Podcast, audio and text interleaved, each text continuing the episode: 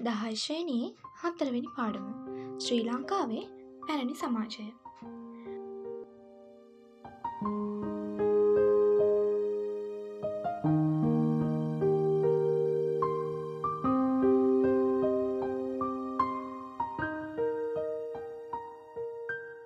ඕනෑම කාලයක ඕනෑම සමාජයක ජීවත්වන වැඩි පිරිස සාමාන්‍ය ජනතාව. පාලකින් රජය නිලධාරීන් ආගමික නායකින් සහ වෙනත් ප්‍රභූනාදීන් ඒ අතර සිටන සුළු පිරිසක්. ඉතිහාසය කියල කියන්නේ මේ සීලු දෙනාගේ ක්‍රියාකාරකම් පිළිබු කරන අතීතයක්. කරුණ එසේ වුනත් බොහෝ අතිහාසික මූලාශ වැඩි ආදානයකින් ඉදිරිපත් කළ තියෙන්නේ මේ දෙවනියට කිව්වා සුළු පිරිසට අදාළ විස්තර. එනිසා අතීතිය සාමාන්‍ය ජනතාව ගැන අපි දන්නා තොරතුරු සීමිතයි. අපේ රට ඉතිහාසය වඩා හොඳින් තේරුම් ගන්න නම් පුරාණ කාලයේ විසු සාමාන්‍ය ජනතාවගේ ජීවිතය ගැන තොරතුරු ඉගෙන ගැනීම අවශ්‍ය වෙනවා. මේ පාඩමෙන් මේ සියල්ල පිළිබඳ බොහෝ තොරතුරු දැනගන්න ඔබට අවස්ථාවක් ලැබේ. පාලනය ස්වරූපය පුරාණ කාලයේදී අපරට පාලනය කළ තින්නේ රජවරුන් බව ඓතිහාසික මූලාශ විස්තර කළ තියෙනවා. ඒ විදිහට පාලනය ගෙන යනකොට අනුගමනය කලා තියෙන රාජ්‍යත්තාන්ටල පිළිවෙල කුමක්ද යන කරුණ පැහැදිලි කරන ඉතා වැදගත් තොරතුරු සෙල්ලි පිවර සඳහන් වෙනවා. ඕනෑම රටක පාලනය මෙහෙවන ආයතන තුනක් තියෙනවා. ඒවා හඳුන්වන්නේ ව්‍යවස්ථාදායකය විදායකය සහ අධිකරණය විදියට. රජය කියල කියන්නේ මේ ආයතන තුන්ට. ව්‍යවස්ථා දායකය කළ කියන්නේ රටක නීති සම්පාධනය කරන ආයතනයට. වර්තමානයේ අපේ රටේ පාලිමේන්තු මගින් ඒ කටේ තුටි කරන්නස්සේ පුරාණ කාලයේ ඉටු කළ තියෙන්නේ රාජ සභා විසින්. විදායකය කියලා කියන්නේ නීති ක්‍රියාත්ම කරන ආයතනයට. ඊට සම්බන්ධ වෙන්නේ රජය නිර්ධාරයෙන්. අධිකරණය මගින් නීති උල්ලංඝනයවීමෙන් සමාජයකට වෙන්න පුළුවන් හානිය බලක් කලා රටවැසියා වෙත යුක්තිී පසඳනු ලබනවා. පුරාණ කාලේ අපේ රටේ විදායකයක් සහ අධිකරණයක් තිබිල තියෙනවා. ව්‍යවස්ථාදායකය ලෙස ක්‍රියාත්මක වෙලා තියෙන් විදායකය. විවස්ථාදායක මණ්ඩලයක් ලෙස වෙනම ස්වාධීන ආයතනයක් එකල නොනේ ඒ සමයේ මෙරට පැවතුනේ රාජානු ක්‍රමයක් නිසා. විදායකය සහ විවස්ථාදායක හඳුන්වන්න ක්‍රිස්තුවාශය නම්වන සීවසේ ලියවුණු සෙල්ලිපිවල යොදා තියෙන්නේ එක්ටැන් සමී යන යෙදුණු. අන්රාධපුර දිස්ත්‍රික්කයට අයත් බුද්ධන්නේ හෙළනම් ස්ථානයේ පිහිටි සෙල්ලිපියක අපි මෙතුවක් දෙෙන අවුද් වත්හිමියන් වහන්සේ වදාළ එක්තැන් සමීන් යනුවෙන් කළ සටහනක් දක්නට තියෙනවා. ඒ යෙදී තිබෙන එක්තැන් සමී යන පදය සකස්සලා තියෙන්නේ ඒක ආස්ථාන සාමය යන පද ආශයෙන්. ඒක ආස්ථාන කියලා කියන්නේ රාජ සභාවට. සාමය යන වචනින් එකගතාව යන තෙරුම ලබල් දෙනවා. එවිට එක්තැන් සමේ යනු රාජ සභාව එකගතාව යන අදහස ලබා දෙනවා. ඉහතින් සඳහන් කරපු බුද්ධන්නේ හැ සෙල්ලිපියේ පිහිටුවල තියෙන්නේ ඉඩම් පූජාව ප්‍රකාශයට පත්කරන පිණිස. ඒ දීමනාව පිරිනමන්නේ රාජ සභාවේ එකගතාවෙන් රජු අනකළ නිසා බව ඒ ලිපිහි සඳහන් පාටයෙන් කියවෙනවා. වත්හිමියන් වදාළ යන පදයෙන් රජුගේ ආඥාව අදහස් කරනවා. වත්හිමියන් යන පදය රජු හැඳින්වීමට යොදපු පර්යාය පදයක් වෙනවා. ක්‍රිස්තුවාශයෙන් නම්වන සීවසට අයත් සෙල්ලිපිවල සඳහන් වෙන විදිහට රජයේ ඉඩම් බෞද්ධ විහාර වෙත පිරිනැමීමේ කටයුත්තට පැමිණි ඇතැම් නිලධාරීන් නියෝජනය කරන්නේ සභාව නමින් හැඳින්වු ස්ථානයක්. අන්රාධපුර දිස්ත්‍රික්කයෙන් සොවාගෙන තියෙන සෙල්ලිපීක සඳහන් වෙන විදිහට කෙරෙලෑ ගමනං ඉඩම මහින්දා රාමණන් මිහිනිආරාමයට පිරිනැමීමට මැනින්ගමේ උදේ සහ නිකවැල්ලේ සේන නම් වූ නිලධාරින් සභාව නියෝජනය කිරීමට එහි පැමිණ තියෙනවා. ඒ බව ඒ සෙල්ලිපියේ දක්වල තියෙන්නේ සභායෙන් ආ මැනින්ගමු උදෙහි isaa නිකවැලි සෙනු isaa යනුවෙන්. මෙහි සභාව යන පදයෙන් අදහස් කළ තියෙන්නේ එවක පැවැති අධිකරණය. රජය සතු ඉඩම් වෙනත් අයකුට පැවරීම නීතිමේ කටයුත්තක්. එනිසා එහිදී අධිකරණය නියෝජනය කරන නිලධාරයන්ගේ සහභාගිත්වය අවශ්‍ය කටයුත්තක්. එවැනි අවස්ථාවලදී ඒ නිලධාරයන්ගේ රාජකාරී වන්නට ඇත්තේ පිරිනමුන් ලබන ඉඩමේ සීමා සහ ඉඩම බුක්තිවිදීමට අදාළ කොන්දේසි ලේකනගත කිරීම වෙන්න ඕන. සභාවයන වචනය නොවදන තැන් කිහිපයක මහලේ යන පදය දක්නට තියෙනවා. එය මහාලේක කියන පදය පැරණි සිංහල භාෂාවෙන් ලියල්ලද ආකාරය. එය මහලේකම් යන වචනයේ තේරුමට සමානයි. රජයේ ලේකම්වරුන්ගේ රාජකාරිය සියලු රජයේ කටයුතු ලේඛනගත කිරීම සහ එම ලේඛන ආරක්ෂා කර ගැනීමට අවශ්‍ය කරන කටයුතු සම්පාදනය කිරීම. මේ වගේ මහලේකම්වරයෙකු ගැන මැදිරිගිරියෙන් සවාගෙන තිබෙන සෙල්ලිපීක සඳහන් වෙනවා. ඒ කාලේ මැදිරිගිරියේ පිහිටා තිබුණු ඇත්වෙහෙර නමින් හැඳින්වෙන ප්‍රධාන ගරයකට දෙවනසයෙන් රජතුමාගේ අනින් පිරිනමන් ලද ඉඩම් පූජා කර එහි නීතිමී කටයුතු ඉටු කරන්න කාශ්‍යප නැමැති මහලේකම්වරයා නැත්තම් මහලේ කස්බා එහි පැමිණි බව එම සිල්ලිපිය සඳහන් වෙනවා. අනුරාධපුරය අගනගරස් පැවති යුගයේදී රටේ පාලන කේන්ද්‍රස්ථානය වුණේ එයයි. රජු අගනගරයේ සිට රටපාලනය කළා. වර්තමාන කාලයමෙන් සංනිවේදනය සහ ගමනාගමනය පහසු වූ ඒ කාලේ අනුරාධපුරයෙන් ඈත පළාත්වල පාලන කටයුතු අනුරාධපුරය සිට මෙහෙවන්න අපහස කරුණක් බව පැහැදිලි වුණා. මෙන මේ හේතුව නිසා පළාත් පාලනය සඳහා රජයට සම්බන්ධ වෙනම පරිපාලන ඒකක තිබූ බව පැහැදිලි කරගන්න ඉවහල් වන සාධක සාහිත්‍ය මූලාශ්වර දක්නට ලැබෙනවා. මේ සඳහා පෙන්වා දෙන්න පුළුවන් නිදසුනක් විදිහට වසම රජතුමාගේ පාලන කාලයේදී රචනා කරපු වල්ලිපුරම් රන්පත් ලේඛනය. ඒ ලේඛනය සඳහන් කළ තියෙන්නේ වසම රජතුමාගේ පාලන සමයේ නාගදීපය පාලනය කළ රිචිගිරි ඇමතියායෙහි පියංගුක තිස්ස නම් විහාරය ඉදි කළ බව.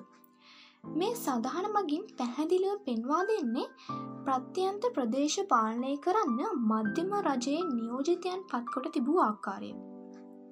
මීට අමතරව ඊටත් වඩා පහළ මට්ටමේ පරිපාලන කටයුතු මෙහෙවන්න ස්වාධීන මණ්ඩල ඒ ඒ ප්‍රදේශවල තිබුණා. ක්‍රිස්තුවාශයෙන් නම්වන සියවසේ පැවති එවන ප්‍රාදේශී මට්ටමේ පරිපාලන මණ්ඩල සෙල්ලිපිවල හඳුන්නල තියෙන්නේ දසගම් ඇත්තන් යනුවෙන්. ගම් දහයක් නියෝජනය වෙන විදිහට ඒවායේ ප්‍රධානීන්ගෙන් සමන්විත ඒ මණ්ඩලය සුළු පරිමාණය පරිපාලන කටය තුළ සහභාගි වෙලා තියෙනවා. මාතලේ දිස්ත්‍රික්කයට අයත් පැරණි බෞද්ධ විහාරයක් වුණු කළුදිය පොකුණේ තියෙන සෙල්ලිපියක ඒ විහාරයට දානය පූජා කිරීමේදී යම් ගැටලු කාරී තත්ත්වයක් පැරණැගුණ හොත් දසගම් ඇත්තන් රැස්සී එය විසඳා දිය යුතු බව සඳහන් කළ තියෙනවා. පරිපාලනයේදී රටේ ජනතාවගේ සුභසිද්ධිය පතා කටයුතු කරන්න පාලකයෝ කටයුතු කළ තියෙනවා.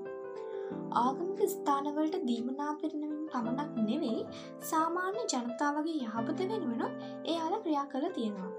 විශේෂයෙන්ම ජනතාවට අත්‍යවශ්‍ය කාරණයක් වෙන පොදු සෞඛ්‍ය පහසුකන් නගා සිටුවන්න පාලකයෝ නිබදවම සිය අවධානය යොමු කළ තියෙනවා. වෙජ්ජශාලා යන පදය පැරණි සාහිත්‍ය මූලාචල සඳහන් වෙනවා. ඒකෙන් අදහස් කළ තියෙන්නේ රෝහල් යන්න. වෙජයනුවෙන් හඳුන්වල තියෙන්නේ වෛතිවරු ගැන. ඒක ක්‍රිස්තුපූර දෙවන සීවස්තරම් ඇත කාලෙකට අයත් සෙල්ලිපිවල සඳහන් වෙලා තියෙනවා. බුද්ධදාස රජතුමා රෝහල් ඉදිකරන්න මහත් වෙහෙසක් දැරපු පාලකෙක්. පස්සන මහින්දරජතුමා එවක ශ්‍රී ලංකාවේ නොයෙක් පලාත්වල පිහිටුවා තිබුණු රෝහල්වට අවශ්‍ය සියලු දේ ලබා දෙන්න කටයුතු කළ තියෙනවා. හතරවන කාශපරතුමාගේ පාලන කාලයේදී අනුරාධපුර සහ එහි අවට ප්‍රදේශවල දරුණු උනරෝගයක් පැතිරගින් තියෙනවා. එවක පැවති සාමාන්‍ය රෝහල්වල තියෙන පහසුකං යටතේ ඒ උනරෝගය වැඳුන් රෝගීන්ට ප්‍රතිකාර කිරීම අපහසු බව වටහාගත් රජතුමා ඒ සඳහා විශේෂ රෝහලක් ඉදි කළ බවත් ආයිතිහාසික මූලාශල සඳහන් වෙනවා. ඒ සඳහා උපසක්ග රෝගනාසයන යෙතුම මූලාශවල සඳහන් වෙනවා. ගැබිනි මව්වරුන්ගේ අවශ්‍යතා සඳහා මාතෘ නිවාස ඉදි කරන්න පළම්වන උපතිස්ස රජතුමා ක්‍රියා කළ තියෙනවා. එවැනි ශාලා හඳුන්වල තියෙන්නේ පසවන්ති නාමශාලා යනුවෙන්. ප්‍රසූතිය සඳහා ඉදිකළ ශාලා යනු එහි අදහසයි. සෙල්ලිපිවල එවැනි ගොඩනැගිලි තිබිරිගේ යනුවෙන් නම් කළ තියෙනවා. ඉතා පැරණි කාලයක සිට මෙරට මාතෘ නිවාස ඉදිකිරීමේ සම්ප්‍රදාය පැවිදිලා තියෙනවා. පණ්ඩුකාබේ රජතුමාගේ කාලයේදී අන්රාධපුරයේ සොත්තිසාලා නැමින් හඳුන්වන ලද ගොඩනැගල විශේෂ තිබිලා තියෙනවා. සොත්තිසාලා යන නම බ්‍රාහ්මණීන්සිය ආගමික් කටයුතු පවත්තන් ලද තැන් හැඳින්වීමටත් මාතෘව නිවාස හඳුන්වන්නත් භවිතා කළ බව අටුවා ග්‍රන්ථවල විස්තර කරලා තියෙනවා. අපේ රට පාලනය කළ බුද්ධිමත් රජවරු තමන්ගේ අසල්වැසි රටවල් සමඟ වගේම ඇතැම් අවස්ථාවලදී දුර රටවල් සමඟත් ඉතා සුහොඳ ශීලී සමන්තාවකින් කටයුතු කළ තියෙනවා. කාලයෙන් කාලයට ඒ සබන්තා ක්‍රියාත්මකුණු ප්‍රදේශ වෙනස්සලා තිනව වගේම ඉන්දියාව ඇතුළු වෙනත් ආසියාතික රටවල් සහ අරාබිය සමඟ ඉතිහාසයේ ඈත කාලයක සිට සමහර යුරෝපා රාජ්‍ය සමගත් මෑත සියවස්සලද සමතා පැවතිලා තියෙනවා. ලම්බ කරන වංශයට අයත් ශ්‍රී ලංකාවේ කීර්තිමත් පාලකයක වුණු පළවන ගජබාහු රජතුමා පත්තිනි දේවාලයක් විවෘත කිරීමේ උත්සවයකට සහභාගිවීම සඳහා දකුණු ඉන්දියාවේ චේර රාජ්‍යයට පැමිණි බව එරටේ සිල්ලිපිවල සඳහන් වෙනවා. සමහර විට මේ රාජ්‍ය චාරිකාවේ අරමුණ වෙලා තියෙන්නේ දෙරට අතර රාජ්‍යතාන්ත්‍රික සුහන්තාව නංවාලීම වෙන්න පුළුවන්. බාතිකාබේ රජතුමා විසින් රෝමාණක දේශයට තානාපති නිධාරින් යවන ලද බවට සඳහනත් මහාවංශයට ඇතුළත් වෙලා තියෙනවා. මෙහි රෝමාණුක දේශය කියලා හඳුන්වල තියෙන්නේ රෝමය. රුවන්වැලි සෑයට පූජාවක් පවත්වන්න අවශ්‍ය වේදුරු පපුළු රැගෙනීම ඒ දූත මෙහිවරේ අරමුණ වෙලා තියෙනවා. ක්‍රිස්තුවර්ශයෙන් අටවන සහ නම්වන සියවස්සලදී මෙරට පාලකයෝ චීනය සමඟ සමීප සමන්තාවක් ගොඩනකාගෙන තියෙනවා. ඒ කාලය තුළ චීනයට මෙරටින් තානාපතිවරු පිටත්වගින් තියෙනවා. හයවන අග්ගබෝධ රජතුමාගේ පාලන කාලයේදී මේ සමන්තා වඩා ශක්තිමත් වෙලා තියෙනවා. ඒ සමයේදී විසිවතාවක් ශ්‍රී ලංකාවෙන් චීනයට රාජතාංචික දූතකමන් ඉදිල තියෙනවා. වෙළඳාමේ සාර්ථකත්වය චීනය සඟ ගොඩනගාගා සම්බර්තාවල මූලික පසුබිම වුණු අත්තරම ඉන් සංස්කෘතික බලපෑමක්ද ඇති කළ තියෙනවා. ශ්‍රී ලංකාව සිය අසල්වාසී රටවල් සමඟ පවත්තපු සමන්තා පිළිබිඹු වන තවත් ආකාරයක් ඒ රටවල් සමඟ ඇතිකරගත් විවාහ සබත්තාමගින් පිළිබිඹු වෙනවා. විශේෂයෙන්ම ඉන්දියාවේ ප්‍රබල රාජලෙස පැවති කාලිංග සහ පාණ්ඩ දේශ සමඟ මෙනට පාලකින් ඇතිකරගත් විවාහ සබත්තා ගැන තොරතුරු වංශකතාවල දකින්න පුළුවන්. පළම්වන විජයබාහුරස්තුමා තිලෝක සුන්දරී නම් වූ කාලිංග වංශික කුමාරිකා විවාහ කරගත් අතරම ඒ රජුගේ සොහයුරය වුණු මිත්තා කුමරිය විවාහවුනේ පාණ්ඩි දේශය කුමරිකු සමඟ. ඥාති සමන්තා හරහා දේශපාලන බලය ස්ථාවරව පවත්වාගෙනයාම මෙවැනි විවාහ සම්පන්තාවල මූලි කරමුණ වෙලා තින්න බව අපිට වැටෙනවා. භාෂා ආගම් මතෙන් වෙනස්සුවත් තමන්ගේ අසල්වාසී රටවල ප්‍රජාව දෙස විශ්වාසවන්ත ලෙස කටයුතු කිරීම අපේ පැරණි පාලකින්ගේ විදේශ ප්‍රතිපත්තිය තුළ තිබුණු කැපී පෙන ලක්ෂණයක්. පළම්වන විජයබාහු රජතුමා විසින් පොළොන්නරය පිහිටි දළදා මාලිගේ ආරක්ෂාව සඳහා වේලෙක්කාර හමුදාව පත්කිරීම එකට කදිමු නිදසුනක්. වේලෙක්කාර හමුදාව යනු දකුණු ඉන්දියාවෙන් මී පැමිණි වැටුපට සේවය කරන ආරක්ෂක සේනාවක්. ක්‍රිස්තුවාශයෙන් දහවන සියවසයෙන් පස්සේ අපේ රජවරු අරාබි රටවල් සමඟ ඉතා සුහොඳ සම්බන්ධාවයක් ගොඩරගාගෙන තියෙනවා. අරාමි වෙළඳුන්ගේ මූලිකත්තයෙන් එවක ඉන්දයානු සාකරය ක්‍රියාත්මකව තිබුණු වෙළඳ කටයුතුවලට ශ්‍රී ලංකාවේ දායකත්වය ස්ථාවර ලෙස පවත්තාගෙන යම එහි අරමුණෝ බව පෙනෙනවා. ක්‍රිස්තුවාශයෙන් නව්වන සියවසේ ජීවත් වූ අරාභිජාතික ඉතිහාසක්ඥයක වුණු අල්බල සූරී සඳහන් කරන විදිහට ඒ සමයේ රතුකැට දිවයිනේ මේ නමින් හඳුන්වල් තියෙන ශ්‍රී ලංකාව. රජු ඉස්නාමීය රජු සමඟ තෑගි හුමාරුවක් කරගෙන තියෙනවා.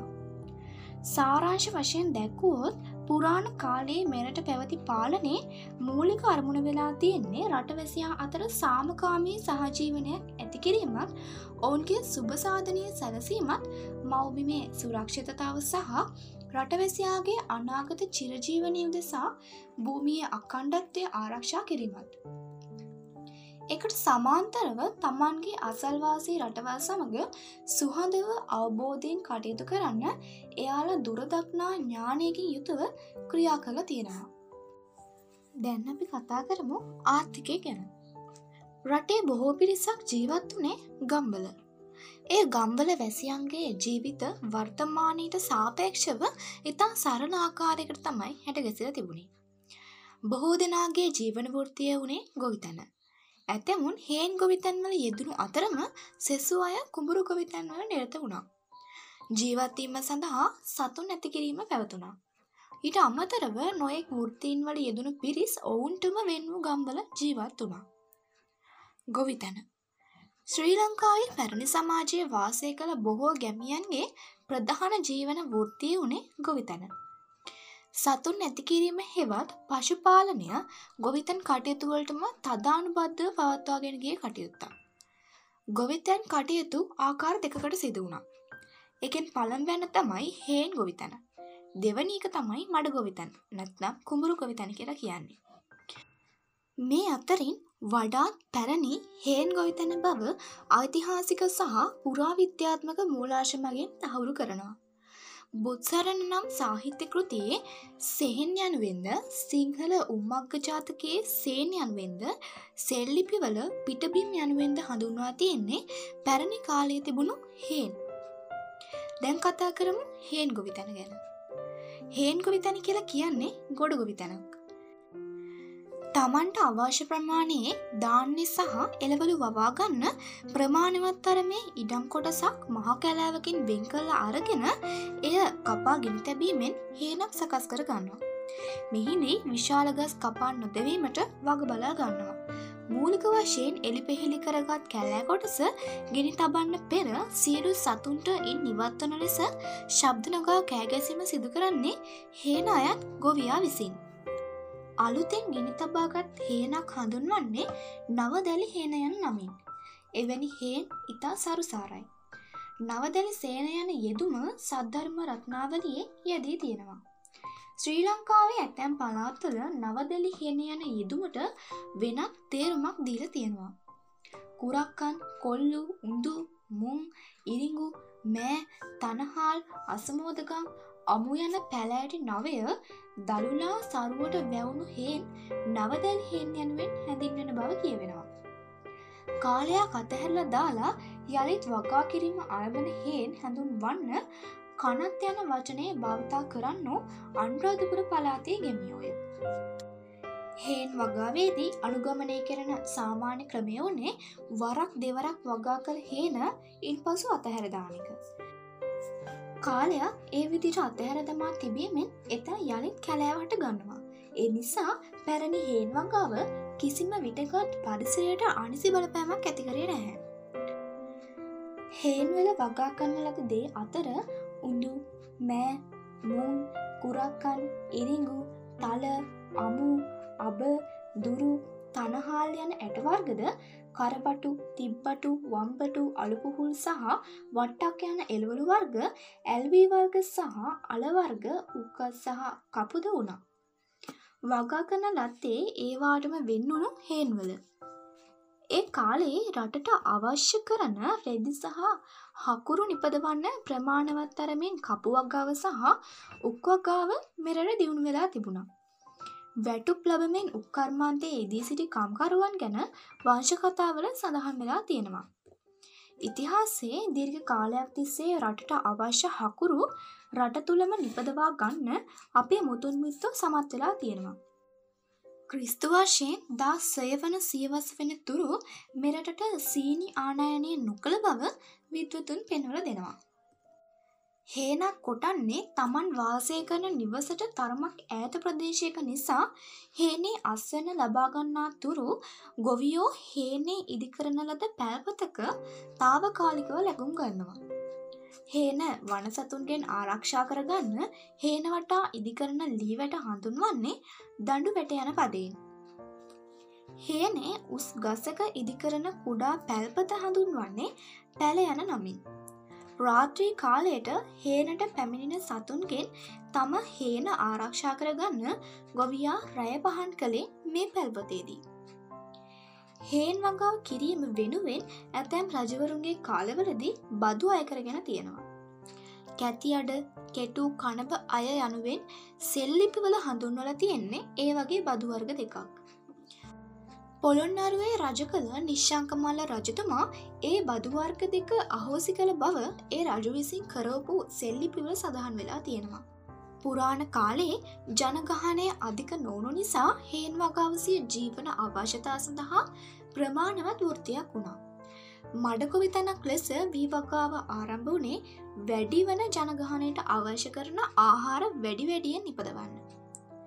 දැන් කතා කරමු වීගොවි තැන ගැන. සෙල්ලිපිවල වී වගා කරන ලද තැන් කුඹුරු සහ කෙත යන වචන දෙකෙන් හඳුන්නට තියෙනවා. ඇතැම් වෙලාවට කුම්පුර යනුවෙන් හඳුන්වන්නට ඇත්තේ වී වකාවට භාවිතා කළ කුඩා ඉඩ ප්‍රමාණයක් වීමට ඉඩ තියෙන නිසා. කෙත යන වචනය සංස්කෘත භාෂාවේ ශේත්‍ර යන වචනය සකස් වූවක්. ඉන් අදහස් කරන්නේ තරමක විශාල කුඹුරුයායවල්. බොහෝ අවස්ථාවලදී වීවකාව පවත්තාගෙන යන ලද්දේ වාරි මාර්ග භාවිතා කරමින්. මෝසම් වැසිකාලවලදී වර්ෂා ජලය වැැව්වල රැස් කර ගන්නවා. පස්සේ ඒවා ඇලමාර්ග ඔස්සේ කුඹුරුවලට ලබා දෙන්න කටයුතු කළ තියෙනවා. වර්ෂයට දෙවරක් වී වගා කෙල්ලත් තියෙනවා. වී වගා කළ කාල හඳුන්වන්නේ කන්න යන පදීන්. වගා කළ කන්න දෙක හඳුන්නන් ලද්දේ මහකන්නය සහ යල කන්නේ යනුවෙන්. මිට අමතරව මැද කන්නේ යනුවෙනුත් තවත් කන්නයක් ගැන සෙල්ලිපිව සඳහන් වෙනවා. යල මහාතර තිබූ ඒ කන්නේ වගා කිරීම රඳා පැවතුනේ ජලය සුන්භවීම මත. විවකාව සාර්ථකව පවත්වාගෙන යන්න වියලි කලාපේ ප්‍රධාන අවශ්‍යතාව වනේ ප්‍රමාණවත් ලෙස ජලය ලබා ගැනීම. වර්ෂා ජලය එකතු කර ගැනීමත් ස්වභාවික ගංගා හරස් කරලා ඇලමාර්ග ඔස්සේ ජලය කුමුරු වෙත ගෙනයාමත් ඒ අවශ්‍යතාව සපුරාකන්න අනුගමනය කළ උපක්‍රම දෙකක්. වැව් තැනීමේ සම්ප්‍රදාය මෙනට දියුණුන්නේ ජලය රැස්කර ගැනීමේ අවශ්‍යතාවට මුහුණදීමේ උපක්‍රමයක් ඉදිහට.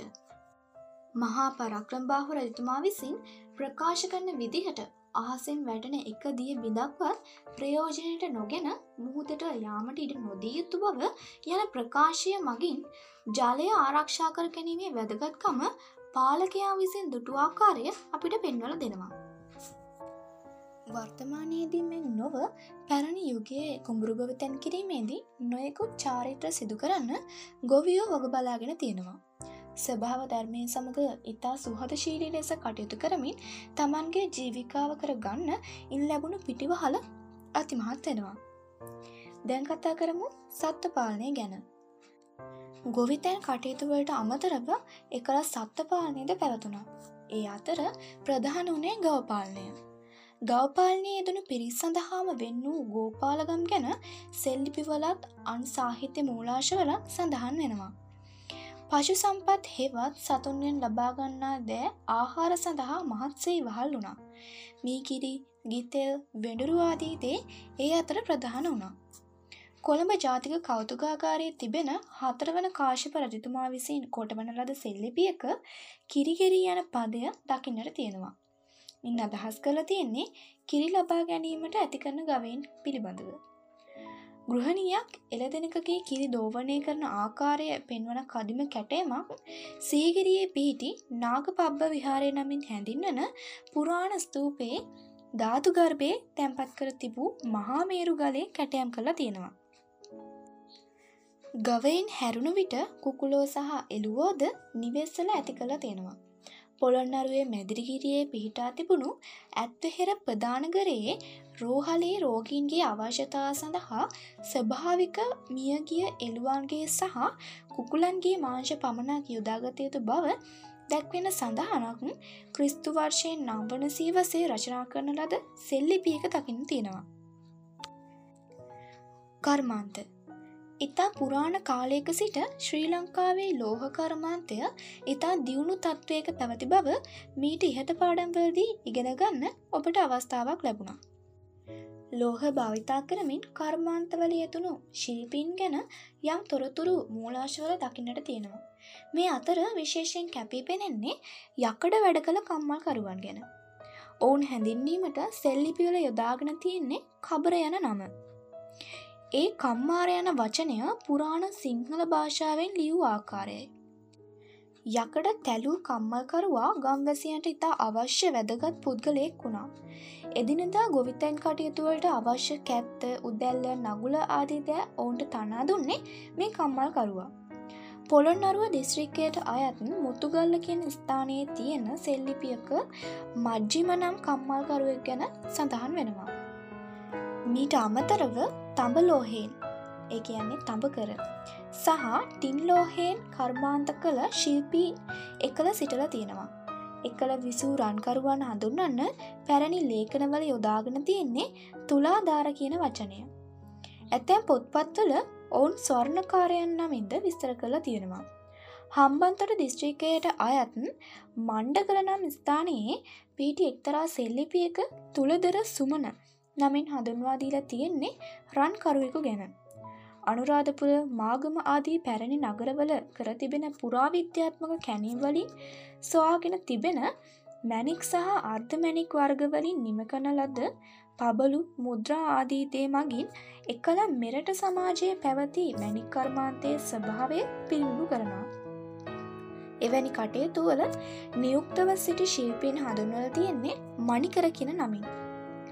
පුරාණ කාලයේ මෙරට සමාජයේ පැවති තවත් කර්මාන්තයක් වුණේ ඇද්දත් කැටයම් කලාව. මහනුවර දිස්ත්‍රික්කයට අයත් වේගිරිය දේවාලය අසල පිහිටි සෙල්ලිපයක දටික සුමන නම් වූ ඇද්දත් ශිල්පියකු ගැන සඳහන් වෙනවා. දටික කියල කියන්නේ දන්ති කියන වචනය සකස් වූවක්. එකල විසූ සාමාන්‍ය ජනතාවට තමන්ගේ එදිනදා කටයුතු සඳහා වඩාත් උපයෝගි වෙලා තියෙන්නේ මැටි බාණ්ඩ. පුරාවිද්‍යාත්මක කැනියවලින් අති විශාල ප්‍රමාණයක් එවැනි මැටි බාණ්ඩවලට අයත් සුන්බුන් සවාගෙන තියෙනවා. මැටිබාණ්ඩ සෑදීම එකල හොඳින් සංවිධානය වූ කර්මාන්තයක්ව තමයි පැවතුනේ. මැටිකර්මාන්තය නීලව සිටි පුද්ගලීන් ගැන මීට අවුරුදු දෙදස් දෙසිය පණහකට ඉහත ලියවුණු සෙල්ලිපිවල පවා සඳහන් වෙනවා. එකල ඔවුන් හඳුන්වල තියෙන්නේ කුම්භකාර නැත්නම් කුඹකර යන නමින්. හම්බන්තොට දිස්ත්‍රික්කයේ වෙහෙර කෙම නම් ස්ථානය තිබෙන සෙල්ලිපියක තත්තවය නමින් වචනයක් එදිල තියෙනවා. මෙම වචනය තන්තු වාය යන දෙපදය මගෙන් සකස් වූවක්. එක තේරුම නූල් කටින්නා යන්න. නූල් කැටීම රෙදිවිවීමට අදාළ කටයුත්තක්. ඉතා පැරණි කාලයක සිට රෙදිවිවීම අපේ රටේ පැවති බව ඓතිහාසික මූලාශවල සඳහන් වෙනවා. වේරකෙම සෙල්ලිපිය සඳහන් වන නූල් කටින්නන් පිළිබඳ සඳහන් කිරීම ඒ කාලයේ පැවති රෙදිවිවීමේ කර්මාන්තය පිළිබඳව නිස්සක සාක්ෂයක් ලෙස සලකන්න පුළුවන්. වෘතියක් වශයෙන් විවිධ කර්මාන්තවල නියලුණු පුද්ගලයන් ගැන තොරතුරු අප ඉතිහාසයේ සඳහන්වීමෙන් පෙනෙන්නේ අපේ රටේ පැවති පුරාණු සමාජය ඉතා ක්‍රමවත් අන්දමට සංවිධානය වී තිබුණු බව. මේ සියලු ශිල්පීන් ඒ කාලයේ සමාජය හොඳින් පවත්වාගෙන යන්න තමන්ගේ දැනුමින් සහ ශ්‍රමයෙන් ඉතා අගනා මෙහැයක් ඉටු කළ තියෙනවා. දැන් කතා කරමු වෙනදම ගැන. පුරාණ කාලයේ පැවතුනේ නගල් කිහිපයක්. ඓතිහාසික මූලාශව දැක්වෙන විදිහට අනුරාධපුරය සහ මාගම ඒ අතරින් ප්‍රධානයි. ඒවා හඳුන්වන්න පුර යන පදේ යොදාගෙන තියෙනවා. එවැනි විශාල නගරවල ජීවත් වනේ වත් පොහොසත්කම් ඇති අය. එ නගරවල දේශීය මෙන්ම විදේශීය වෙළෙන්දොත් ගෙවසුනා. අනුරාධපුර නගරයේ දකුණු දොරටුව අසල කාල සුමන නමින් හැඳින් වූ වෙළඳ පොලක් තිබිල තියෙනවා. වෙළඳාම පැරණි කාලයේ මෙරට පැවති ප්‍රධාන ජීවන මාර්ගයක් වුණා. වෙළඳ කටයුතු රට ඇත්තුළත මෙන්ම රටින් පිටත වෙනත් දේශ සමගද පැවතුනා. සීගිරියේ බටහිර ජල උද්‍යානයේ තිබෙන එක්තරා සෙල්ලිපියක අබල වපර නමින් හැඳින්වෙන පුද්ගලයකු ගැන සඳහන් වෙනවා. ඒ ආම්ල ව්‍යාපාරයන වචනය පැරණි සිංහල භාෂාවෙන් දියලතියෙන ආකාරය. ඒ විදියට හඳුන්නල තියෙන්නේ සිය බලා වෙළෙන්දෙක්ව. ඒ සෙල්ලිපිය මීට අවුරුදු දෙදස් දෙසිය පණහකට පමණ ඉහත කාලයක රචනා කළ තියෙනවා. සුළු පිරිසක් හැරුණහම සෙසු වෙළෙන්දෝ සමූහ වශයෙන් සංවිධානය වෙලා තමයි කටයුතු කළ තියෙන්නේ. ඒවගේ සංවිධානයක් හඳුන්නල තියෙන්නේ පූගය යන නමින්. ඇතැම් තැනක ඒ සඳහා නියමස්ථානයන වචනයත් යොදාගෙන තියෙනවා. වෙනදාමේ නියුක්ත වූ පිරිස් එකල හඳුන්නල තියෙන්නේ වාණජ යන නමින් හෝ වාපර යන නමින්. වාපර යන වචනය ව්‍යාපාරික යන පදය පැරණි සිංහල භාෂාවෙන් ලියූ ආකාරය. පැරණි සමාජයේ ජීවත් වූ ධනවත් පිරිසක් වූ මේ වෙළෙන්දෝ ඔවුන් විසින් බෞද්ධ භික්‍ෂූන් වහන්සේලාට වැඩවාසය කරන්න ගල්ගුහා පවා පූජා කළ තියෙනවයි කියලක් තියෙනවා.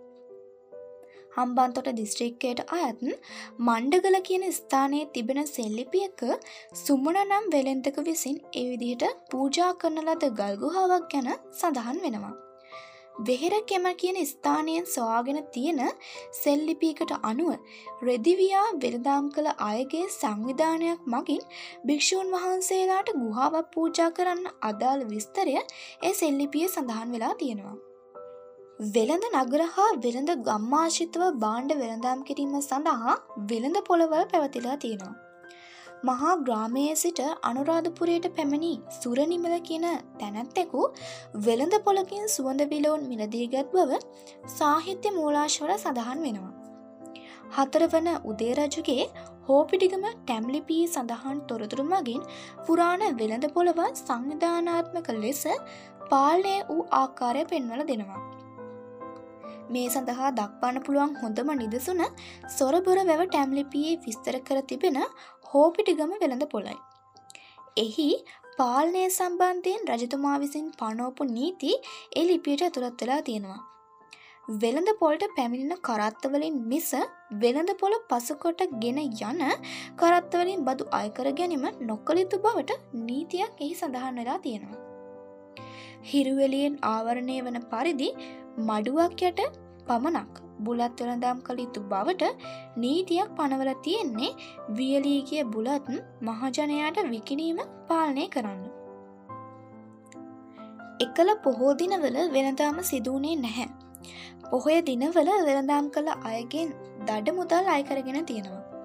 හෝපිටිකම වෙළඳ පොලේ පොහොය දිනවල වෙනත කටයුතු කළ අය දඩයක් විදිහට මහියංගන විහාරයේ පහන්දල් වන්න තෙල් ලබා දෙන්න ඕනි කියලා සඳහන් වෙනවා. ක්‍රිස්තුවර්ශයෙන් එකොළොස්වන සියවසේ සිට දහතුන් වන සියවස දක්වා මෙරට ක්‍රියාත්මක වූ දකුණු ඉන්දයානු සම්භවයක් ඇති වෙනද සංවිධාන කිහිපයක් ගැන ශ්‍රී ලංකාවෙන් සවාගෙන තිබෙන එක් කාලයට අය දෙමළ සෙල්ලිපිවල සඳහන් වෙලා තියෙනවා. නානාදේසි වලංජියාර් අයන්නූරුවර් යනු එන් කීපයක්. නානාදේසි වෙනද සංවිධානට අයත් ලෝහ මුද්‍රාවක් හම්බන් තොටින් සවාගෙන තියෙනවා. අනුරාධපුර යුගයේ මුල්කාලේ මෙරට සැලකිය යුතු ප්‍රමාණයක් විදේශික වෙනදුන් සිටි බවට සාක්ෂි තියෙනවා. දකුණු පලාතේ පිහිටි බෝවත්තේ කළ නම් ස්ථානයේ ඇති සෙල්ලිපියක කබොජ මහ පුගිය යන යෙදුම දක්නට තියෙනවා. එහි සඳහන් වෙලා තියෙන්නේ කාම්බෝජවරුන්ගේ මහාවෙනද සංවිධානයක් ගැන. කාම්බෝජවරු කියල කියන්නේ ඒ කාලේ ඇෆ්ගනිස්ථානය ප්‍රදේශයෙන් මෙහි පැමිණි වෙනඳුන් පිරිසක්. අතීතයේ සිටම අන්තර්ජාතික වෙන්ඩ කටයුතුවදී අපේරට වැදගත් වැඩ කොටසක් ඉටු කළ තියෙනවා.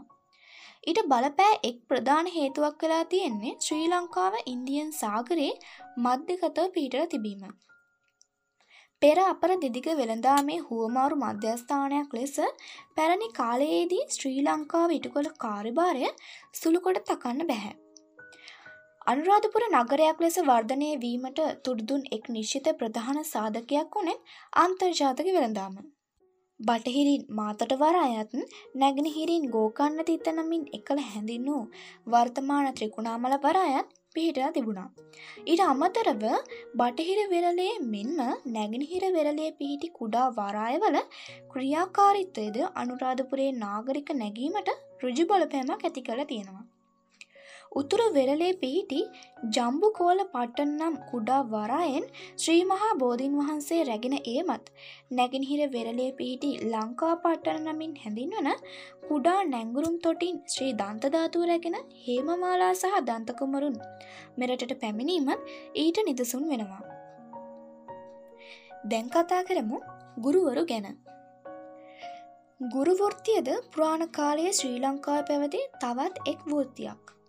ගුරුවරු හඳුන්වන්න පැරණි ලේඛනවල යොදාගෙන තියෙන්නේ ආචාර කියන පදය. ශිල්ප ඉගැන්වූ පුද්ගලයන් පමණක් නොව ශිල්ප ශාස්ත්‍රවල නිපුණම සිටි පුද්ගලයොත් ආචාර කියන නමෙන් හඳුන්නල තියෙනවා. මේ ආචාර්යවරු විවිධ ශිල්පවල සමත්කම් දැක්වුවා. ඒ අතර ඇතුන් හීලෑ කිරීම ඉගැන්නපු ගුරුවරුන් හස්ති ආචාරය. අශ්වයෙන් පිටයාම් පුරුදු කළ ගුරුවරුන් අශ්ව ආචාරය සහ දුන්නෙන් විදියෙන් පුහුණු කළ ගුරුවරුන් දුනු ආචාරය ගැන තොරතුරු සෙල්ලිපිවල සඳහන් වෙලා තියෙනවා.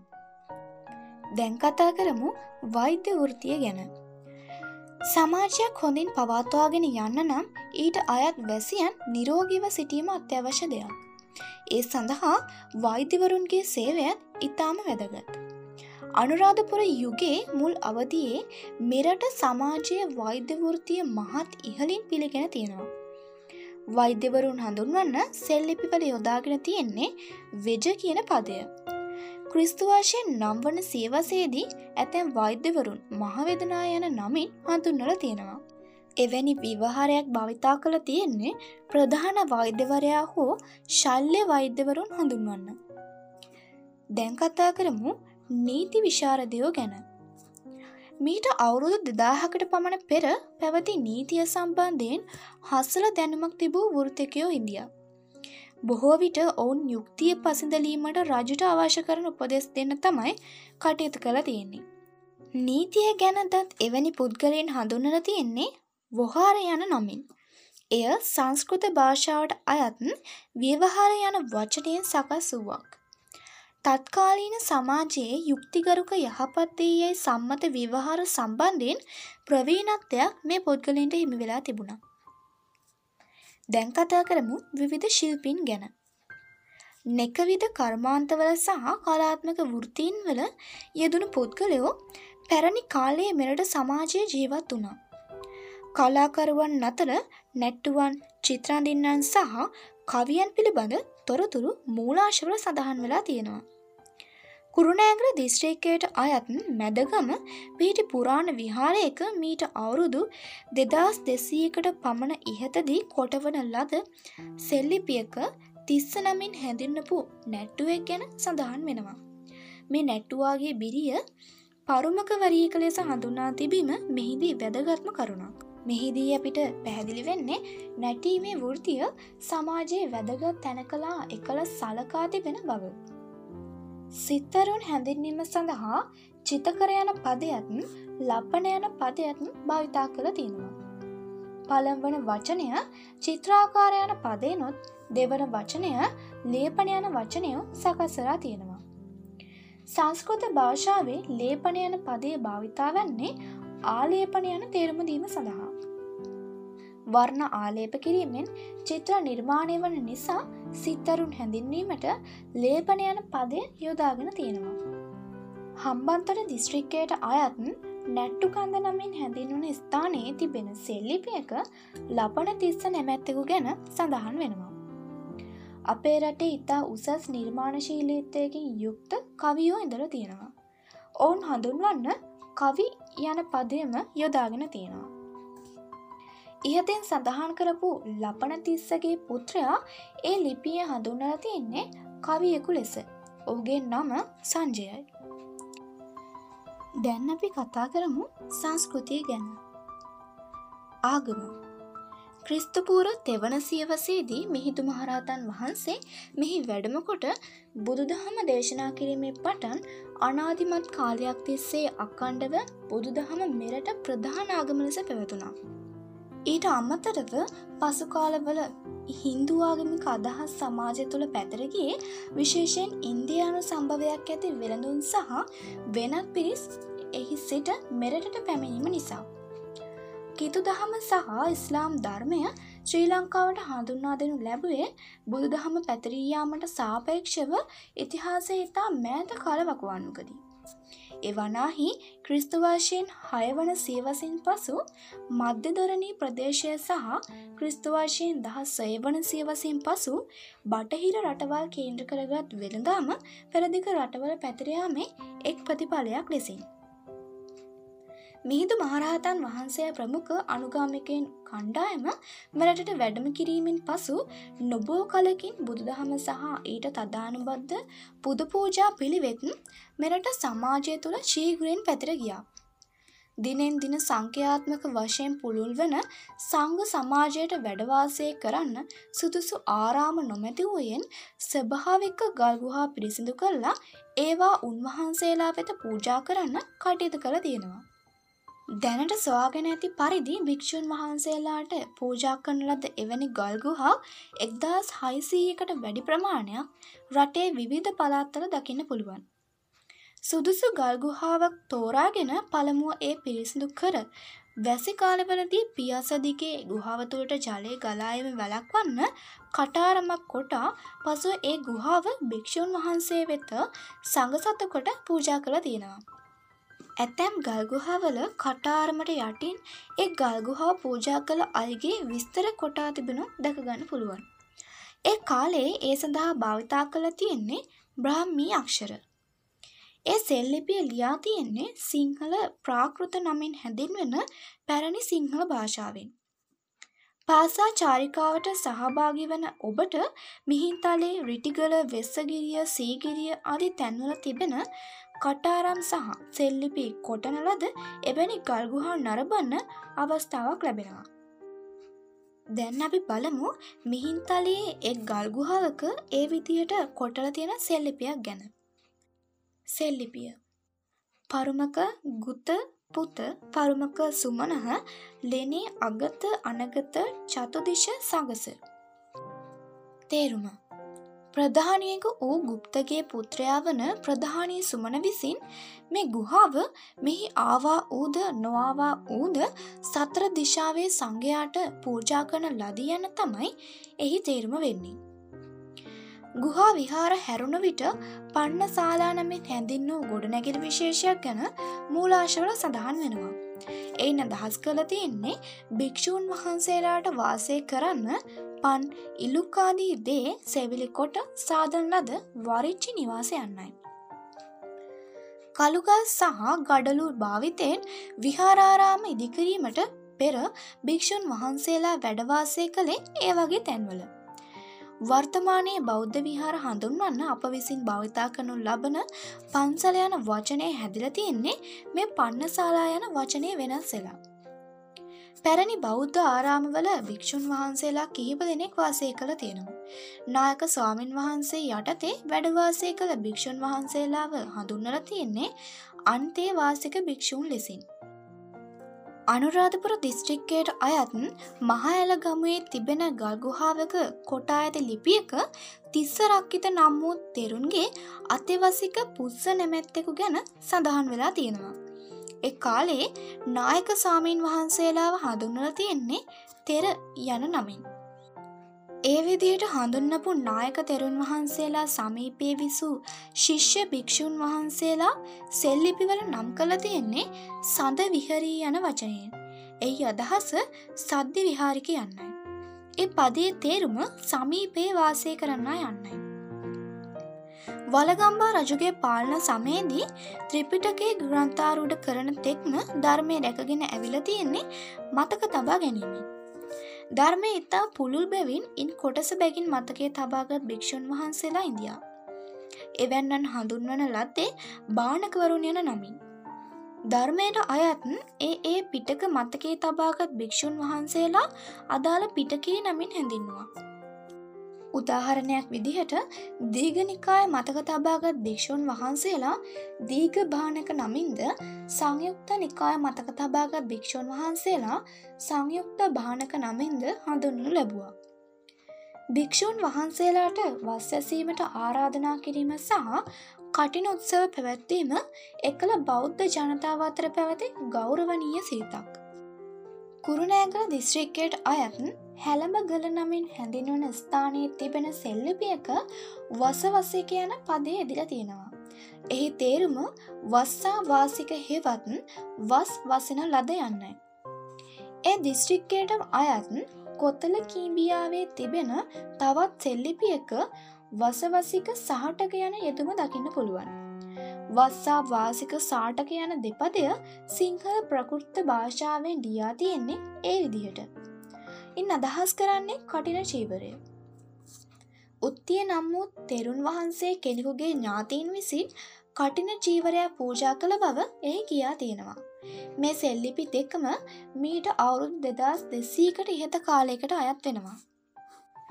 වෙනත් ආගම් බුදුදහම මෙරට සමාජයේ මුල් බැසගත් අවදියේ අනුරාධපුර නගරය සහ එහි අවට බ්‍රාහ්මණ ජනකණ්ඩායම් වාසය කළ බවට සාක්ෂි තියෙනවා. ඔවුහු හින්දු භක්තිකය වුණා. මහාවංශයේ සඳහන් වන සොත්තිසාලා නමින් එකළ හැඳින් වූ ගොඩනැගිල විශේෂය ගැන විස්තර කරන මහාවංස ටීකාව බ්‍රාහ්මණීන් ආගමික කටයුතු කරන තැන්ද එසේ හඳුන්නල් ලද බව කියනවා. ඒ වගේම සිවිකාශාලා යන වචනය විස්තර කරන එ කෘතිය ඉන් අදහස් කරලා තියෙන්නේ ශිවලිංග පිහිටුවා තිබූ තැන් බව පෙන්වා දෙනවා. ශිවදේවියන් වෙනුවෙන් කරන එම පූජාව හින්දු භක්තිකයන් අතර ප්‍රචලිතයි. දකුණු ඉන්දියාව ශ්‍රී ලංකාවට සමීපව පිහිටා තිබීමත් දෙරට අතර වෙනන සමන්ත අක්කණ්ඩුව පැවතීමත් හේතුවෙන් හින්දු ආගමික අදහස් මෙරටට ගලාගෙන තියෙනවා. වෙනදාම සඳහා ශ්‍රී ලංකාවට පැමිණි දෙමළ ජාතික වෙනතුන් ගැන මෙරට පැරණිත්තම සෙල්ලිපිවල සඳහන් වෙලා තියෙනවා. එම ලේඛනවල ඔවුන්ව හඳුන්වල තියෙන්නේ දමෙඩ යන නමින්. ඒ ද්‍රවිඩ යන වචනය සිංහල ප්‍රාකෘත භාෂාවෙන් ලියවූ ආකාරයයි. ක්‍රිස්තුවර්ෂයන් හත්වන සීවස වන විට මෙරට ප්‍රධාන වරායත් ආශිතව සැලකියයුතු තරමේ දෙමළ ප්‍රජාවක් වාසය කළ තියෙනවා. මාතොට වරායට සමීපව ඉදිකළ තිබෙන තිරුකේතීශ්වරම් හින්දුකෝවිලත් ත්‍රිකුණාමලයේ පිහිටි පැරණි ගෝකන්න තිත්ත වරායට සමීපව ඉදිකර තිබෙන කෝර්ණේශ්වරම් කෝවිලත් ඒ කාලයේ එහි විසූ දෙමළ ජනතාවගේ වන්දනාමාන්ට ලක්වෙලා තියෙනවා. කුරුසයක් සටහන් කළ පැරණි ගල්පුවරුවක් අනුරාධපුරයෙන් සවාගෙන තියෙනවා. ඒ කුරුසය අයත් වෙන්නේ කතෝලික නිකායක් වූ නෙස්ටෝරියානුවන්ට. පස්සේ කාලක පර්සියාව කේන්ද්‍ර කොටගෙන වර්ධනය වූ නෙස්ටෝරියාන් නිකායට අයත් අදහස් තිබෙන වෙළෙන්දෝ වෙළඳ මාර්ග හරහා ශ්‍රී ලංකාවට පැමිණලා තියෙනවා. ක්‍රිස්තුවර්ෂ පස්වන සියවසට අයත් දේශාටකයෙකු වුණු කොස්මොස් ඉන්ඩිකොපලේටස් ද අනුරාධපුරයේ විසූ පර්සියානු ජාතික වෙළඳුන් කණ්ඩායමක් ගැන සඳහන් කළ තියෙනවා. අනුරාධපුරයෙන් ස්වාගන්නා ලද නිස්ටෝරියානු කුරුසය සටහන් කරන ලද ගල්පූරුව පෘතුගේසි ජාතකීන් මෙරටට පැමිණි පසු නිම කළ එකක් බව සමහර විද්වතුන්ගේ මතය වෙනවා. ක්‍රිස්තුවාශයෙන් නම් වන සියවසින් පසු ඉස්ලාම් ආගමට අයත් අදහස් ශ්‍රී ලංකාවේ පැවති බව පෙන්වන්න සාක්ෂි තියෙනවා. දැනට සොයාගෙන තිබෙන පැරණිතම අරාබි භූගෝල විද්‍යා ග්‍රන්ථය වුණු කිතබ් අල් මස්ලික්වාල් මමාලික් කෘතියේ සරන්ඩිබ් යනුවෙන් ශ්‍රී ලංකාව ගැන සඳහන් කළ තියෙනවා. සරන්ඩිබ් කියල කියන්නේ සිංහල දවීප යන වචනය අරාභි ජාතකින් විසින් උච්චාරණය කළ ආකාරය. මේ කෘතිය රචනා කළ තියෙන්නේ ක්‍රිස්තුවර්ෂ අටසිය හතලිස් පහේදී හෝ ඒ ආසන්න කාලයකදී. අරාබියත් ශ්‍රී ලංකාවත් අතර පැරණි කාලයක පටන් ඉතා සුහඳ සබතාව ගොඩනැගමින් තිබුණා. හුදෙක්ම එය වෙළඳ සබතාවල ස්වරූපය ඉක්ම වූවක්. ඉස්ලාම් ආගමික නායක ශුද්ධ වූ මුහමත්තුමන් ජීවමාන කාලයේ උන්වහන්සේගේ ධර්මය කුම්මක්දැයි සැකහැර දැනගන පිණිස සරන්ඩිම්හි කණ්ඩායමක් අරාබියට පැමිණි බව ඉබ්න් ශහරියර් නැවැත්තක විසින් ක්‍රිස්තුවාශයෙන් නමසය පනස් තුනේදී රචනා කරන ලද අජායිබ් අල් හින්ත් නම් කෘතියේ සඳහන් කළ තියෙනවා. බැග්ඩඩ් නගරය කේන්ද්‍ර කොටගෙන අබ්බා සීද්වරුන්ගේ මූල්කත්වෙන් ආරම්භ වුණු මුස්ලිම් වානිජ ආධිපත්‍ය ක්‍රිස්තුවර්ෂ හත්සිය පනස් එක එක්දස් දෙසිය පනස් අටාතර කාලය තුළදී ආසියාවේ පැතරගිහින් තිබෙනවා. අන්තර්ජාතික වෙළඳ කටයුතු හොඳින් පවත්වාගෙන යාම අවශ්‍ය වූ නිසා ශ්‍රී ලංකාවේ පාලකින් ඒ සඳහා නිශ්චිත ක්‍රියාමාර්ග ගත් බව ක්‍රිස්තුවර්ෂ නම්වන සියවසේ ජීවත් වූ අල්බල සූරී නම් අරාභිජාතක ඉතිහාසඥයන් සඳහන් කළ තියෙනවා. දැන් කතා කරමු අධ්‍යාපනය ගැන. දැනුම ලබා ගැනීමට සහ දැනුම පතල කිරීමට අදාළ වන සංවිධානාත්මක ක්‍රමවේදයක් ඉතා පුරාණ කාලයක සිට මෙරට පැවතුනා. මුල් අවස්ථාවේදී පරම්පරාවෙන් පරම්පරාවට ඒ දැනුම හුමාරුවනේ අභ්‍යාස කිරීම සහ අසා දැන ගැනීම මගින් බව පෙනෙනවා. මීට අවුරුදු හාරදාස් හාරසීකට ඉහත කාලවක්වානුවකදී පටන් තැන් කිහිපයක ඉදිකරන ලද මැටියොරු සොහොන් ඒවා තුළ භශ්මාවශේෂ තැන්පත් කළ මැටිබාණ්ඩ ආදී දේව දක්නට තිබෙන ශෛලියේ සහ නිමාවේ සමානකම් දෙස අවධානයමු කරන විට ඒවා නිපදවීමට අදාළ තාක්ෂණය පිළිබඳ දැනුම සංවිධානාත්මක සකස්සේ තිබුණු බව ස්තිරම් පේනවා. මේ පාඩමේ හෙත අවස්ථාවකදී සඳහන් කළ විදිහට අපේ රටේ පැරණිතම සෙල්ලිපිවල අචරීයන පදෙන් හඳුන්වලට පිරිස ගුරුවරන් විදියට හැඳින්නවා. ඒ ගුරුවරුන් විසින් උගන්වන ලද දේ පිළිබඳ ඔවුන් හඳුන්වාදී ඇති තැන්වලම සඳහන් වෙලා තියෙනවා. ඇතමුන් දනු අචරී යනුවෙනුත් තවත් අය හති අචරිය සහ අසාචරී යනුවෙනුත් හඳුන්වල තියෙනවා. ඔවුන් පිළිවලින් දුරුවිදීමේ ශිල්පය ඇතුන් හැසරවීම සහ අශ්වයන් හැසරවීම පිළිබඳ ශිල්ප ඉගැන්නූ ගුරුවරුන් වෙලා තියෙනවා. බුදුදහම මෙරට සමාජයේ මුල්පැස ගැනීමෙන් අනතුරුව ප්‍රධාන අධ්‍යාපන මධ්‍යස්ථානය බවට පත්වනේ බෞද්ධ විහාරාරාම. ඒවායේ වැඩවිසු වියත් භික්‍ෂූන් වහන්සේලා සිංහල පාලි සංස්කෘත ප්‍රාකෘත ආදී භාෂාවල පමණක් නොව බුදුදහම් පිළිබඳවද හසර දැනමකින් යුක්තයි වුණා. පුරාණ කාලයක සිට මෙරට මුල් පෙළේ ගුරුවරුන් ලෙස කටයුතු කොළො උන්වහන්සේලායි. පැරණි කාලයේදී අනුරාධපුරයේ පැවති මහාවිහාරය සහ අභේගිරී යන බෞද්ධ මධ්‍යස්ථාන ආගමක ස්ථාන මෙන්ම අධ්‍යාපන ආයතන ලෙසද ක්‍රියාත්මක වුණා. විදේශික භික්‍ෂූන් වහන්සේලා පවා මේ ආයතනවල ඉගෙන ගැනීමට වැඩම කළා. ත්‍රිපිටක ධර්මයට වැඩි විස්තර සහිත අටුවා රචනා කළ බුද්ධඝෝෂ හිමි ඒ විදිහට මහාවිහාරයේ අධ්‍යයන කටයුතු කළ විදේශික භික්‍ෂූන් වහන්සේ නමක්. අධ්‍යාපනය ලබාදීමත් අධ්‍යාපනය ලබා ගැනීමත් සම්බන්ධයෙන් අපේ රටේ පැරණි සමාජය තුළ පැවතුනේ ගෞරවනීය හැඟීමක්. ලෝකෝපකාරය සඳහන් වන කවිය ඊට කදිම නිදසුනක්. දැන් බලමු මොකක්දේ කවිය කියලා. රූසිය යොවුන් ගුණ නැන සියල්ලෙන් නොඅඩු වීමුත්. නොදතොත් සිල්ප සත සුවඳ නැති කෑල්ල මල සමවේ. මේ කවියෙන් කියවෙන්නේ යමෙක් රූපයෙන් යෞවන ගුණයෙන් සහ ඥානය යුක්ත වුවත් ඔහු හෝ ඇය යම් ශීප ශාස්ත්‍රයක් නොදන්නේ නම් සුබඳ නොමැති කෑල මලකට සමාන වන බව. දැන් කතා කරමු සාහිත්‍ය සහ රසස්වාදය ගැන. රජරට ශිෂ්ඨාචාර සමයට අයත් සාහිත්‍ය කෘති දෙස බලනකොට ඒවා පාලි සංස්කෘත සහ සිංහල යන භාෂාවලින් ලියවී ඇති බව පෙනෙනවා. දීපවංශය අභිධානපද්දීපිකා සාරප්ට දීපනී යන කෘති පාලියෙන් ලේවී ඇති කෘති සඳහා උදාහරණ වෙනවා. ජානකීහරණය බාලාවබෝධය අනුරුද්ධ සතකය සංස්කෘත භාෂාවේ රචත කෘති කිහිපයක්. සියබස් ලකර සසඳාවත මෝදෙව්දාවත සිංහල භාෂාවෙන් රචිත කෘති සඳහා උදාහරණ වෙනවා. කවියකු විසින් මීට වසර දෙදාහකට පමණ ඉහත ලියන ලද කවියක් කිරින්ද පන්සලේ තිබෙන ගල් පර්වතයක කොටා තිබෙනවා. එය රිද්මයකට කියවී හැකි නිසදෙස් කවියක්. ඒ කවියත් එහි සිංහල පරිවර්තනයත් දැන් අපි විමසල බලමු. අපරිමිති ලොකහි බුද්ධ සමය නති. අතාන පරම දුළමේ සවනුත්තේ පතේ. අනුතරේ සතේ මහා සරණි. ලොකචක බුද නම සයබු මෙගලහි විහරි. නක උවරජ නම බුද සරණ ගතේ. මිච්චදිට්ටික විදිය යහමග පරයන බුතේ. දැම්බලමු එහි පරිවර්තනය. අපරිමිත මෙලොව බුදුන් සම සරණක් නැත. එහිමි සැමතැනය. එසම වනු දුලබදයකි. මහා සරණකි කිසිවකුට නොදෙවෙනි. තමාම සියල්දත් එහිමි ලොවටම ඇසකි. මිසදිටුකම අතැර යහමග යනු රිසිව. මේ ගලේ විහාරෙදි බුදුසරණ වැළඳ ගති නාග උපරජතෙම. අනුරාධපුර යුගයේ රචනා වූ කවි හයසියකට ආසන්න ප්‍රමාණයක් සීගිරියේ කැටපත් පවුරේ අදත් දකින්න පුළුවන්.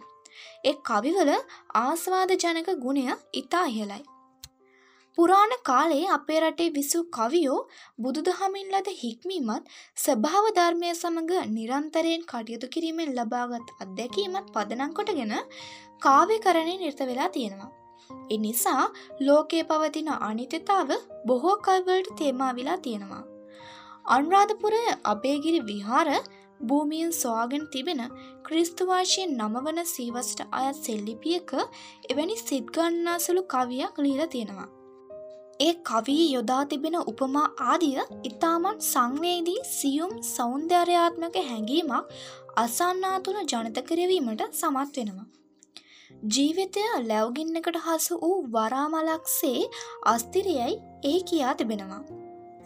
සීකිරි කුරුටුගිය කියවලා එහි තේරම වටහාගෙන රසාස්වාදය කිරීමෙන් පැරණි ශ්‍රී ලාංකිකයන්ගේ සෞන්දර්යාත්මක සිතිවිලි කෙඹුදැයි ඔබට පහසේ වටහාගන්න පුළුවන්.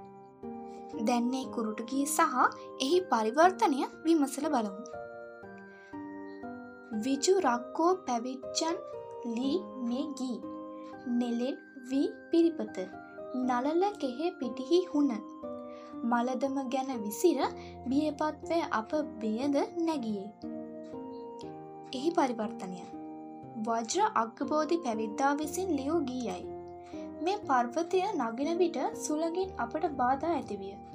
නලලෙහි වූ කෙස්රොද සුළඟ නිසා පිටට වැටිනි. ගෙලෙහි පැළඳ සිටි මල්මාලයද විසිර ගියය. අපි ඉන් බීට පත්වූයමු. දීර්ඝ කාලීනව ගොවිතැන් කටයුතු කළත් සත්ත පාලනය තෙදී සිටීම නිසා අපේ මුතුන් මිත්තන්ට ස්වභාවධර්මය සමඟ සමීපව කටයුතු කිරීමේ අවස්ථාව උදා වුණා. ඒ නිසා ස්වභාවධර්මය තිබෙන සුන්දර බවත් අනිත්‍ය බවත් යන ලක්ෂණ දෙක පිළිබඳව සරල ඒත් ගැඹුරු වැටහීමක් ඔවුන් සතුව තිබුණා. බුදුදහම ඉගැන්වීම් නිසා ඒ අදහස් තවදුරටත් දියුණුවීමෙන් උසස් නිරාමිස ගුණයෙන් යුත් ප්‍රසං්ඥතාවයක් පැරණි සමාජය තුළ වර්ධනය වුණා. දැන් කතා කරමු මේ පාඩමේ අන්තිම මාතෘකාව. වාර්ගික සහජීවනය.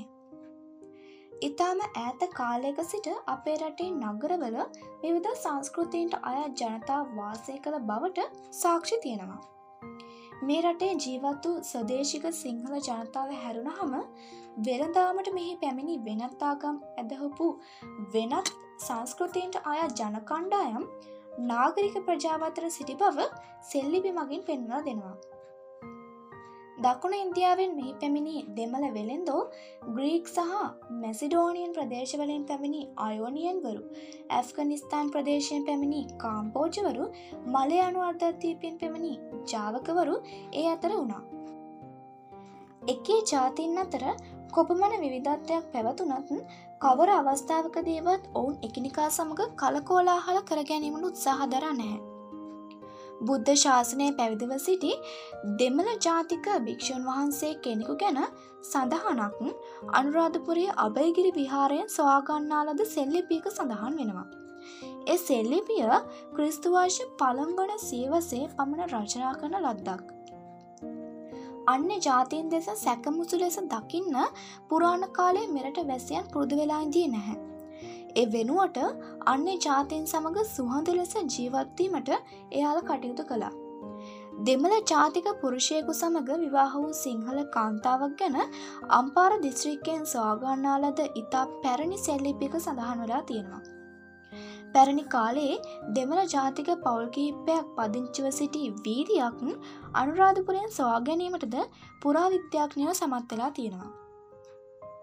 ඉන්දයානු සාගරය අවට කලාපය පිහිටි නොයෙක් රටවලින් පැමණි වෙළඳ ජනයා ශ්‍රී ලංකාවේ පැරණි නගරවල වාසය කළා. එසේ වුවත් ඒ අතරින් වැඩිමනක් පිරිසක් පැමුන්නේ දකුණු ඉන්දියාවෙන් බව පෙනෙනවා. ක්‍රිස්තුවාශය නම් වන සීවස වන විට මෙරට රාජ සභාවේ දෙමළ අධිකාරී නමින් හැඳින් වූ විශේෂ තනතුරක් තිබුණා. ඔහුගේ කාරය වනේ අනුරාධපුරය සහ ඒ අවට වාසය කළ දෙමළ ජනයාගේ ශුභ සාධන කටයුතු සොයා බැලීම වුණා. දෙමෙල් අධිකාරී පාඩිරත් නැමැත්තක පිළිබඳව කොළඹ ජාතික කෞතුගාකාරයේ තිබෙන හතරවන කාශ්‍යප රජතුමාගේ සෙල්ලිපියක සඳහන් වෙනවා. වෙළඳුන් හැරුණ හම මේ දෙමළ ප්‍රජාව අතර වැඩි දෙනෙක් අපේ රට යුද හමුදාවේ සේවය කළ කුලී බටය වුණා. ඒ විදිහට දකුණු ඉන්තියානු කුලී හේවායින්ගේ සහය පැtuu පැරණිතම ශ්‍රී ලාංකික පාලකින් නම් ඉලනාග රජු සහ අබේනාග රජුයි. කේරල දේශීන් පැමිණි ඔවුන් හඳුන්වල තියෙන්නේ අගම් පඩි සේනාව යනුවෙන්. පළම්වන විජයබාහු රජතුමා දළදා මාලිගයේ ආරක්ෂාව වේලේක්කාර හමුදාවකට භාරකරන බව ශිලාලිපිවල දැක්වෙනවා. වේලේක්කාර කියලා කියන්නේ කේරලෙන් මිහි පැමිණි අගම් පඩි පිරිසක්. ක්‍රිස්තුවර්ශයෙන් එකොළොස්වන සහ දොළොස්වන සීවස්වලදී මෙරට වෙළඳ කටයුතුවලට සහභාගීව සිටි. නානා දේශයෙන් යනුවෙන් හඳුනන ලද වෙළඳ කණ්ඩායම දකුණු ඉන්දයානු සම්භවයකින් යුක්ත පිරිසක්. ඔවුන්ට අයත්ව තිබූ ලෝකඩ මුද්‍රාවක් හම්බන් තොටින් සවාගෙන තියෙනවා. නානාදේසින් යනුවෙන් හඳුන්නන ලද ඒ වෙළඳ පිරිසිට අයත් රේගු මුරපලක් ගැන සඳහන් වන ලීලාවතී රැජිනගේ කාලයේ ලීවන් ලද සෙල්ලිපියක් අනුරාධපුරයෙන් සවාගෙන තියෙනවා. මේ පිරිස් ඉතා සාමකාමී ලෙස තම වැඩකටයුතු කරගෙන ගිය බවත් ඔවුන්ගේ ආරක්ෂාව සහ ශුභසාධනයට එවක පාලකීන්ගේ නොමද සහයක් ලැබුණු බවත් ආතිහාසික වාර්තා අනුව පෙනෙනවා. දෙමළ ජාතකින් සමඟ පමණක් නොව ඉස්ලාම් ආගම අදහන අරාභි ජාතකින් සමගත් ඉතා සුහඳ වැඩකටයුතු කරගෙන යාමට අපේ රටේ වැසියෝ පුරුදු වෙලා ඉදියා. බුදුන් වහන්සේගේ ස්පාර්ශයෙන් පූජවට ලක් වූ ශ්‍රීපාදය මෙරට බෞද්ධ වැසියන්ගේ පූජනීය මුදුන්මල් කඩක්. ක්‍රිස්තු වර්ශයෙන් නම්වන සීවසය පටන් සමනල කන්ද මුස්ලිම් බැතිමතුන්ගේද වන්දනාවට ලක්වුණේ එය ආදම්ගේ කන්ද යන විශ්වාසය පදනම්කොට ගෙන.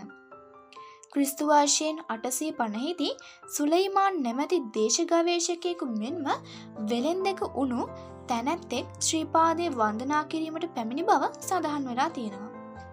ඒ කිසිදු තැනැත්තෙකුට මෙරට වැසියන්ගෙන් හෝ රජයෙන් කිසිදු බවදාවක් ඇති වෙලා නැහැ.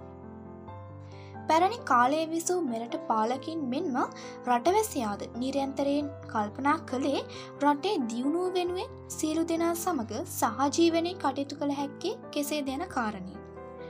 රට එක්සත් බව සහ බෞද්ධාගමේ චිරස්ථිතිය ආරක්ෂා වෙත අභියෝග එල්ල නොවන සෑම අවස්ථාවකදීම ඒ සහජීවනය හොඳින් ආරක්ෂා වෙලා පැවතුනා. අන්‍ය ජාතින් සහ අන්‍ය ආගම් ඉවසා තරා ගන්න මෙරට වාසය කළ සිංහල බෞද්ධ ජනතාව සෑම අවස්ථාවකම ක්‍රියා කළ ආකාරය සෑම කාලයකටම ආදර්ශමත් බව නිතර සීකරන්න ඕනි දෙයක්.